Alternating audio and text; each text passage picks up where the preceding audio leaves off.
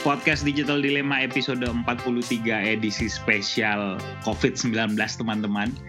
Kita episode ini uh, baru kali ini metodenya podcast rekaman jarak jauh.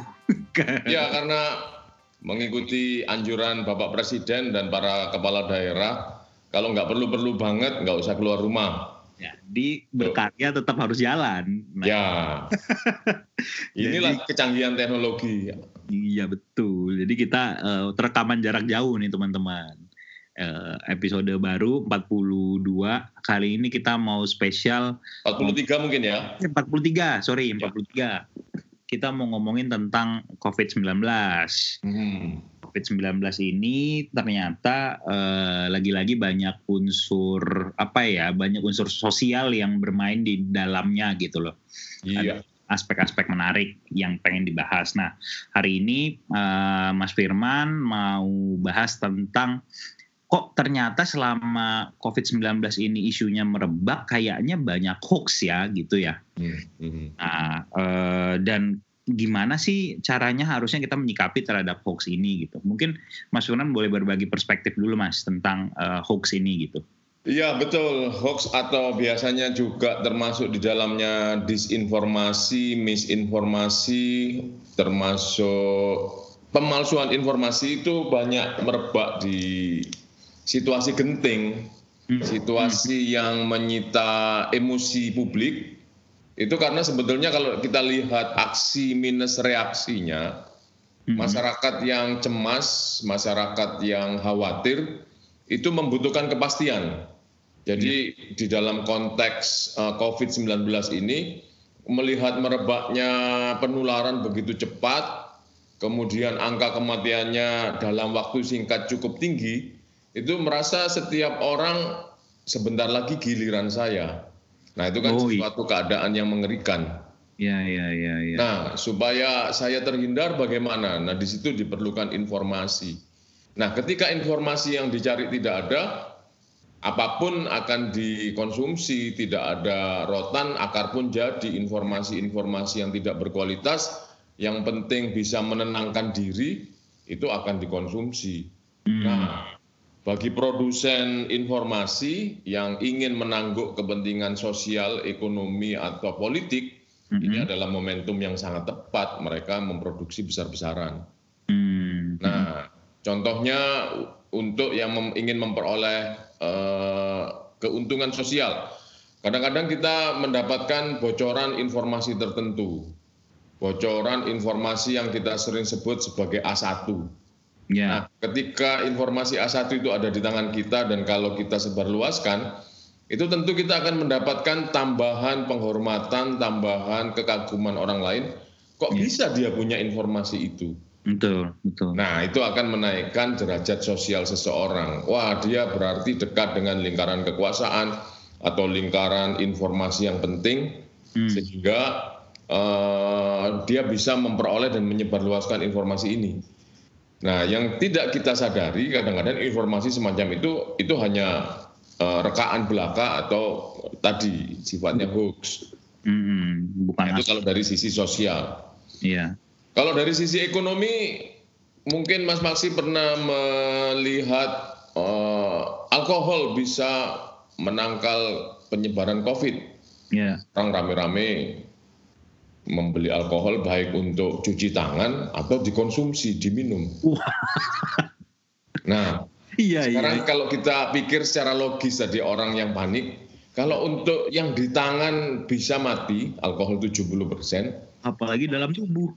Nah, kalau di dalam tubuh diminum, ini kan bisa juga logika yang sama berlaku. Padahal itu kan bahaya, saraf-saraf bisa putus semua itu, orang bisa buta. Iya, iya, iya, iya. Kalau kita lihat kan alkohol sekarang uh, orang beli besar-besaran, baik untuk tadi penggunaan yang benar atau juga mungkin ditawarkan sebagai oplosan. Nah, ini kan berbahaya kalau ya. kalau kita kemakan informasi yang tidak bertanggung jawab seperti ini. Betul, betul, betul. Demikian juga kemarin harga empon-emponan seperti jahe, kunyit dan sebagainya jadi naik karena ada informasi oh kemungkinan ini bisa menyembuhkan uh, atau meningkatkan daya tahan tubuh. Iya, jahe merah mahal banget sekarang harganya. Iya. hmm. bumbu-bumbuan ini sedang menikmati kegemilangannya, harganya jadi mahal. Kalau ingin kita dikelompokkan sebagai orang kaya, punya berapa bawang bombay hari ini? Iya benar. Karena bawang bombay mahal sekali. Benar benar benar. Nah, ini kan semua sebetulnya keadaan yang tidak perlu, tapi karena ada orang tertentu yang ingin memperoleh keuntungan ekonomi, ya, ya. ya udah semua hal dijual siapa tahu nyantol dan memang banyak nyantol tadi karena kata kuncinya ada kekosongan informasi. Kalau dilihat itu kayak ini sebenarnya mas ya kayak hukum ekonomi ada supply ada demand, ya. uh, ada ada permintaan atas informasi yang meningkat dari masyarakat, tapi sebenarnya rasa-rasanya itu kok sedikit gitu ya. ya. Nah ya. jadi eh, ya dibuatlah orang membuat produk-produk alternatif gitu ya untuk ya, betul. supply-nya. Nah um, yang yang memang agak kurang terlihat itu kan biasanya kan dalam setiap pertandingan bola itu pasti ada wasitnya nih gitu kan. Ya. Nah di tengah ini nih wasitnya nih kayak nggak terlalu kelihatan gitu ya. Hmm, itu yang saya sering sebut sebagai konduktor. Ya, ya, ya. Di ya. tengah orkestra supaya menghasilkan suara yang arahnya sama, enak dinikmati. Kalau di dalam hal ini adalah gerakan publik yang sama ya. untuk mencegah dan menangkal penyebaran, itu perlu gerak yang sama, enggak ke sana kemari. Iya, iya, benar-benar. Nah, konduktornya tidak ada sehingga kita kalau mau disebut panik, ya inilah panik yang sebetulnya. Jadi kalau kemarin pernah melihat ada semacam selebaran dari sebuah tempat, kebetulan di Depok, hmm. warga Depok tidak takut corona. Itu hmm. saya pikir itu justru menunjukkan kepanikan yang nyata. Dia tidak tahu seperti apa corona itu, kemudian itu tidak sama perlakuannya seperti masyarakat Indonesia tidak takut teroris. Iya, benar. Ini cara bekerjanya berbeda, jadi tidak bisa disikapi seperti itu. Benar. Emang corona peduli Anda takut apa enggak, dia nempel-nempel aja. nah, betul. jadi betul. banyak upaya-upaya yang menggelikan seperti itu, tapi menurut saya itu bukan salah publiknya, tapi publik ini perlu bimbingan, perlu panduan. Nah, satu lagi tadi aspek politik ini yang uh, samar-samar terlihat. Iya. Uh, uh, informasi yang mengandung eh, apa namanya kepanikan tertentu itu bisa digunakan untuk eh, memperoleh dukungan politik. Yeah, Contoh gampangnya saja ketika di Amerika kemarin memutuskan lockdown, publik hmm. melakukan rush, melakukan hmm. perbelanjaan besar-besaran. Hmm. Nah itu kan seperti salah kaprah. Hmm. Nah kita tidak tahu persis, apalagi saya Mas Maksi sebagai orang komunikasi, Hmm. Yang tepat ini lockdown atau tidak lockdown. Tapi yeah, yeah. Uh, setiap negara, setiap bangsa itu mempunyai cara untuk menyikapi masing-masing. Kalau di Korea ketika di lockdown, kemudian uh, masyarakatnya juga dikerahkan beramai-ramai untuk melakukan uji corona, hmm. itu berhasil melakukan apa menekan persebaran uh, yeah, corona. Yeah. Tapi ada gejala ketika mulai hari Jumat dan Sabtu Indonesia di beberapa daerah mulai lockdown, itu kemudian dipakai untuk berlibur. Katanya saya tidak tahu dapat data yang persis, puncak macet hari Iya, Sabtu. betul, betul. Nah, tapi di situ juga ada eh, apa namanya kabar yang hoax. Ada sebuah media yang memuat gambar dua tahun lalu dipakai sebagai gambar kemarin. Hmm, ya. Nah, itu kan juga apa tujuan media tersebut seperti itu? Apakah oh. hanya sekedar tidak punya stock shoot sehingga ya udah gambar itu yang dipakai? Tapi ada uh, netizen yang cukup jeli, oh ini kan gambar dua tahun lalu persis videonya, coba lihat detik kesekian. Ternyata persis. Nah, ini apa maksudnya? Ya, nah, ya. Jadi itu di tengah keriuhan seperti ini muncul apa namanya eh, tarik menarik uh, kepentingan politik. Iya betul betul. Dan uh, ini juga ya apa? Ya ya tadi disayangkan misalnya informasi itu munculnya dari media gitu kan.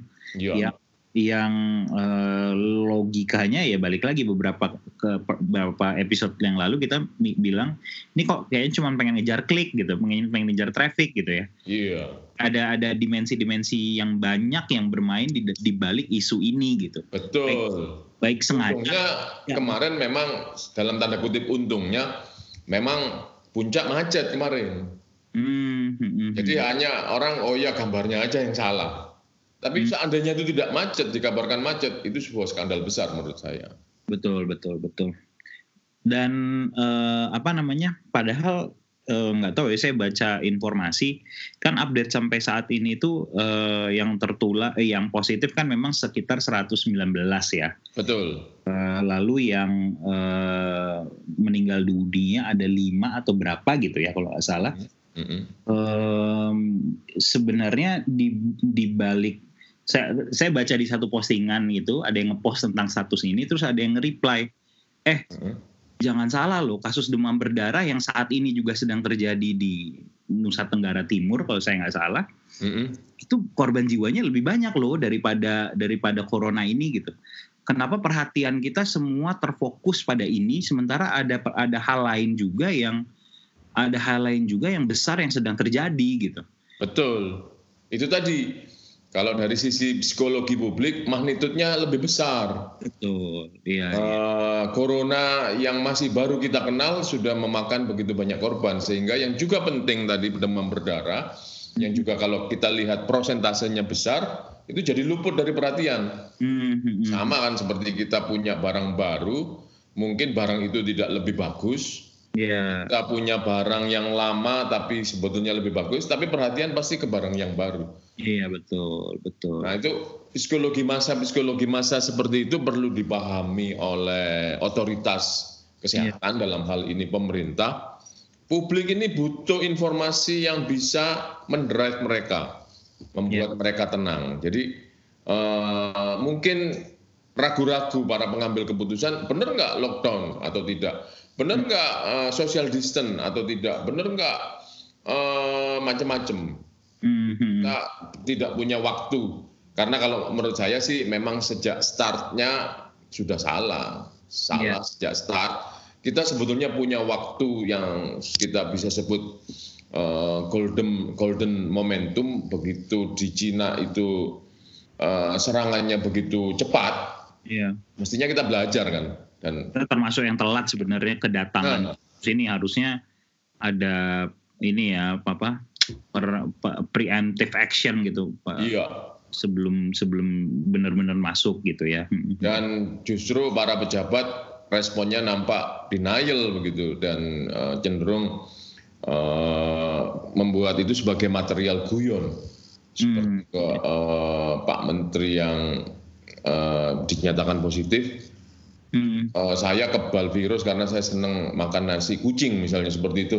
Hmm. Itu kan membuat publik yang sebetulnya informasinya sudah cukup lengkap mempelajari di negara lain, yeah. wah pemerintah nggak bisa diandalkan nih gitu. Iya. Pemerintah main-main saja. Nah itu yang saya sebut uh, salah sejak start hmm. triple S. Nah problemnya kan hari ini kita tidak bisa main salah-salahan, cuman apa yang harus dilakukan untuk memperbaiki ini? Betul. Yaitu sediakan informasi yang argumentatif, informasi yang menenangkan publik, bukan sekedar Corona itu lebih kecil angka kematiannya dibanding flu. Mungkin flu tahun 1918 memang yang kematiannya sampai 100 juta. Ini belum sampai.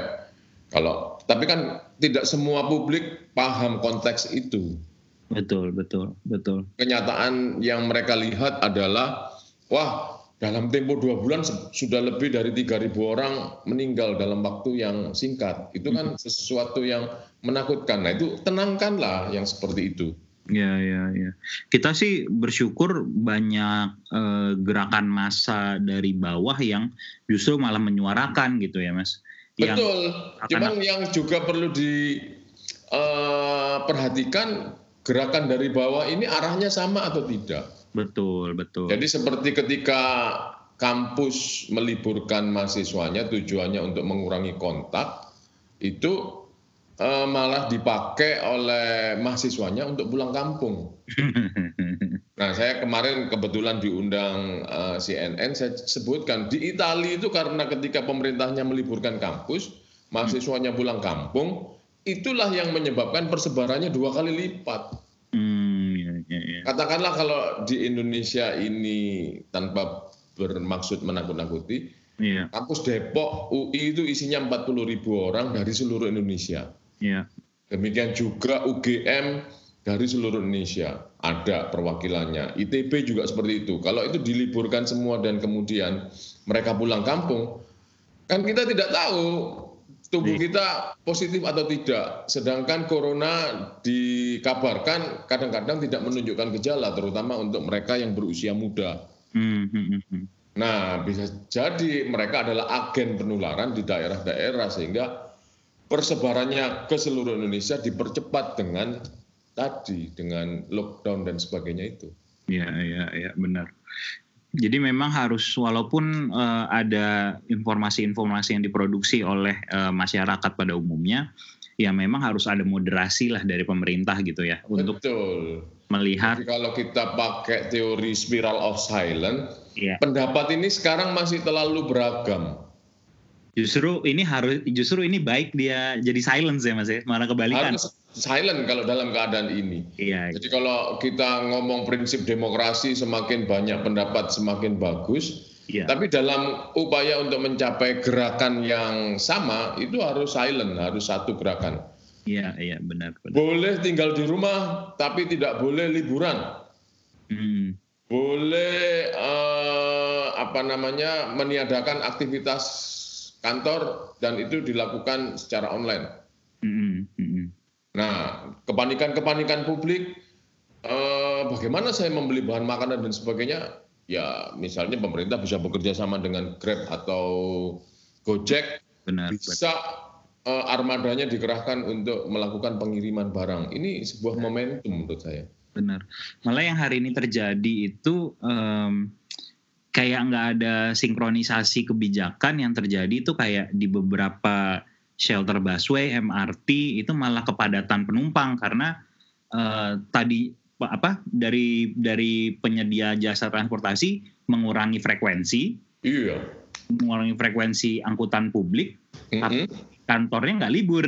Kantornya nggak libur, belum ada pernyataan tegas dari kantornya iya. mau libur atau tidak. Nah itu kan itu tadi gerakannya tidak sama Iya, iya. Jika iya. disikapi dengan cara berbeda, itu yang kalau eh, media kemarin membahas pemerintah gagap, pemerintah tidak siap dan mereka denial kami sudah siap dan sebagainya. Ini loh buktinya lihatlah.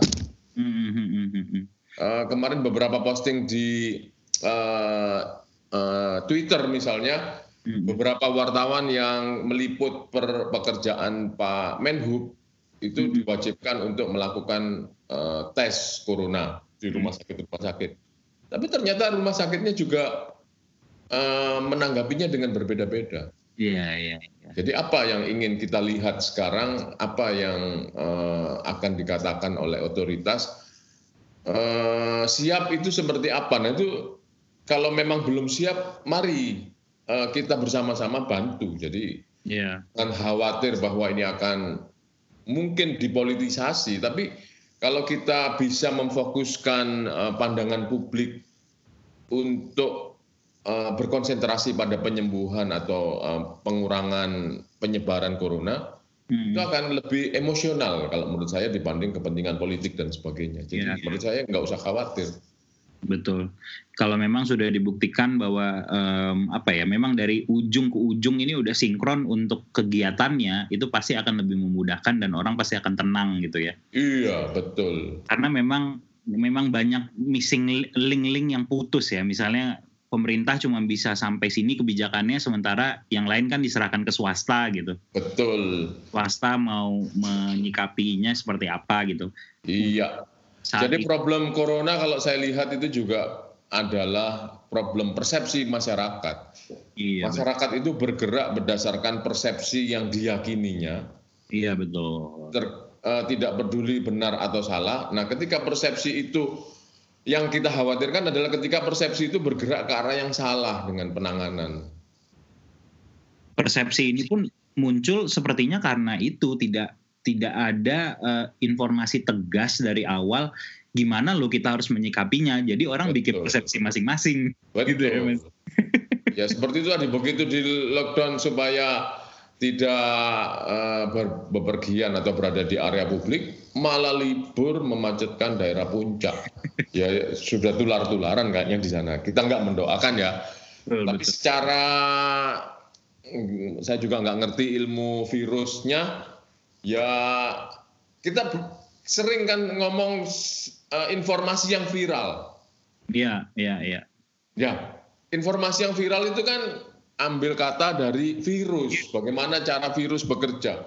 Benar. Satu menjadi dua, dua menjadi empat, empat menjadi enam belas. Ya, ya. ya itulah virus. Iya benar, benar. Jadi kalau kita selama ini mempunyai teknik-teknik di dalam informasi bagaimana informasi viral, ya seperti itulah virus bekerja aslinya. Iya benar sih memang memang diadaptasi dari situ kan. Betul. Oke, sip. Uh, sudah lumayan lama ini kita ngobrol. Jadi rencananya teman-teman tentang COVID-19 ini kita mungkin nanti podcastnya nggak lama-lama tapi uh, sering. Jadi mungkin tiap hari akan ada rekaman-rekaman suara. Wah. Iya. Seperti uh, guidance, waduh. Untuk nah, juga kita ingin tadi melibatkan kepedulian publik, teman-teman yang punya keahlian tertentu, teman-teman yang punya kepedulian tertentu, iya boleh. Boleh bergabung mengirimkan suaranya. Harus apa? Betul, betul, betul. Seperti kawal Covid yang diinisiasi oleh dulu teman-teman kawal pemilu, yeah. membuat sebuah akun yang didedikasikan untuk ini, itu menyuarakan jangan pulang kampung, jangan uh, apa namanya bertebaran di tempat umum. Iya, nah, iya. Seperti itu perlu kita gerakkan. Stay di rumah saja. Memang yang disayangkan itu tuh datangnya itu bukan dari pemerintah ya, datangnya itu dari kelompok-kelompok uh, apa namanya kelompok-kelompok swasta masyarakat umum gitu. Iya, dan sekarang kita tetap berharap pemerintah segera mengambil alih tongkat komando informasi ini. Bahwa lagi-lagi teman-teman ini mengingatkan bahwa di dalam suatu peristiwa seperti ini tuh bukan hanya penanganan te penanganan teknis yang diperlukan tapi penanganan sosial masyarakat itu salah satunya adalah tentang komunikasi kepada masyarakat. Itu harus benar-benar bisa dikelola dengan baik gitu oleh siapa pun sebenarnya nggak hanya pemerintah bisa terjadi misalnya kalau di perusahaan nanti tiba-tiba ada isu yang uh, wah perusahaan ini akan tutup apa enggak gitu kan. Nah, bukan hanya iya. masa teknis penyelamatan perusahaan tapi gimana teknis komunikasinya dengan dengan karyawan dan segala macam. Iya, dan juga yang sangat diharapkan tidak para pihak ini banyak entah pemerintah, entah pemimpin perusahaan, entah kepala daerah, entah masyarakat itu sendiri tidak mudah terpancing Betul. Jadi ketika ada sesuatu yang sifatnya banyak masal, itu belum tentu benar. Betul. Saya bisa membayangkan di sebuah daerah misalnya ingin ditetapkan untuk lockdown. Ya. Kita lihat di kantor kita sendiri, uh, sementara aktivitas harus jalan karena harus melayani uh, konsumen yang sudah percaya kepada kita tapi sebagian harus menjaga kesehatannya. Nah itu perlu seni untuk mengaturnya. Pelan-pelan, tidak serta-merta, oh karena pemerintah pusat sudah menetapkan lockdown, kita juga harus ikut. Bisa lumpuh juga kehidupan ekonomi maupun sosial. Kalau kita bilang hari ini uh, yang diutamakan harus kesehatan, itu kan tidak bisa dipisahkan. Kesehatan berdiri sendiri, yeah. lepas dari ekonomi, lepas dari sosial, kalau katakanlah semuanya diharuskan untuk ada di rumah, kemudian siapa yang akan mengantarkan obat antar rumah sakit misalnya kalau misalnya transportasinya lumpuh? Siapa yang akan uh, apa mengirimkan bahan makanan kepada ke rumah-rumah kalau itu uh, apa namanya di lockdown? Yeah. Nah, ini perlu apa namanya dikaji dengan serius tapi dengan waktu yang cepat. Betul dan terlebih ini harus bisa disampaikan dengan baik kepada masyarakat ya mas. Betul. Jadi walaupun kebijakannya benar gitu belum tentu itu bisa bekerja dengan baik kalau tidak bisa disampaikan dengan baik gitu ya betul. kalau minggu-minggu pertama problem corona bisa diselesaikan atau dicoba diatasi lewat juru bicara pemerintah. Ya Nah, hari ini saya ingin mengurung jurunya. Jadi persoalan corona tidak bisa diselesaikan dengan juru dalam tanda kurung bicara saja. Hmm. Bicaranya huruf kapital semua. Iya, iya, iya, iya. Jadi harus ditunjukkan ya juga lewat bicara ditunjukkan bagaimana rumah sakit-rumah sakit itu siap dalam kenyataannya para tenaga medis sudah terlatih dan sebagainya. Itulah yang sebetulnya menenangkan masyarakat sehingga mereka tidak mengkonsumsi hoax. Hmm, hmm. Sip, mudah-mudahan teman-teman bisa mendapatkan insights dari uh, diskusi jarak jauh ini.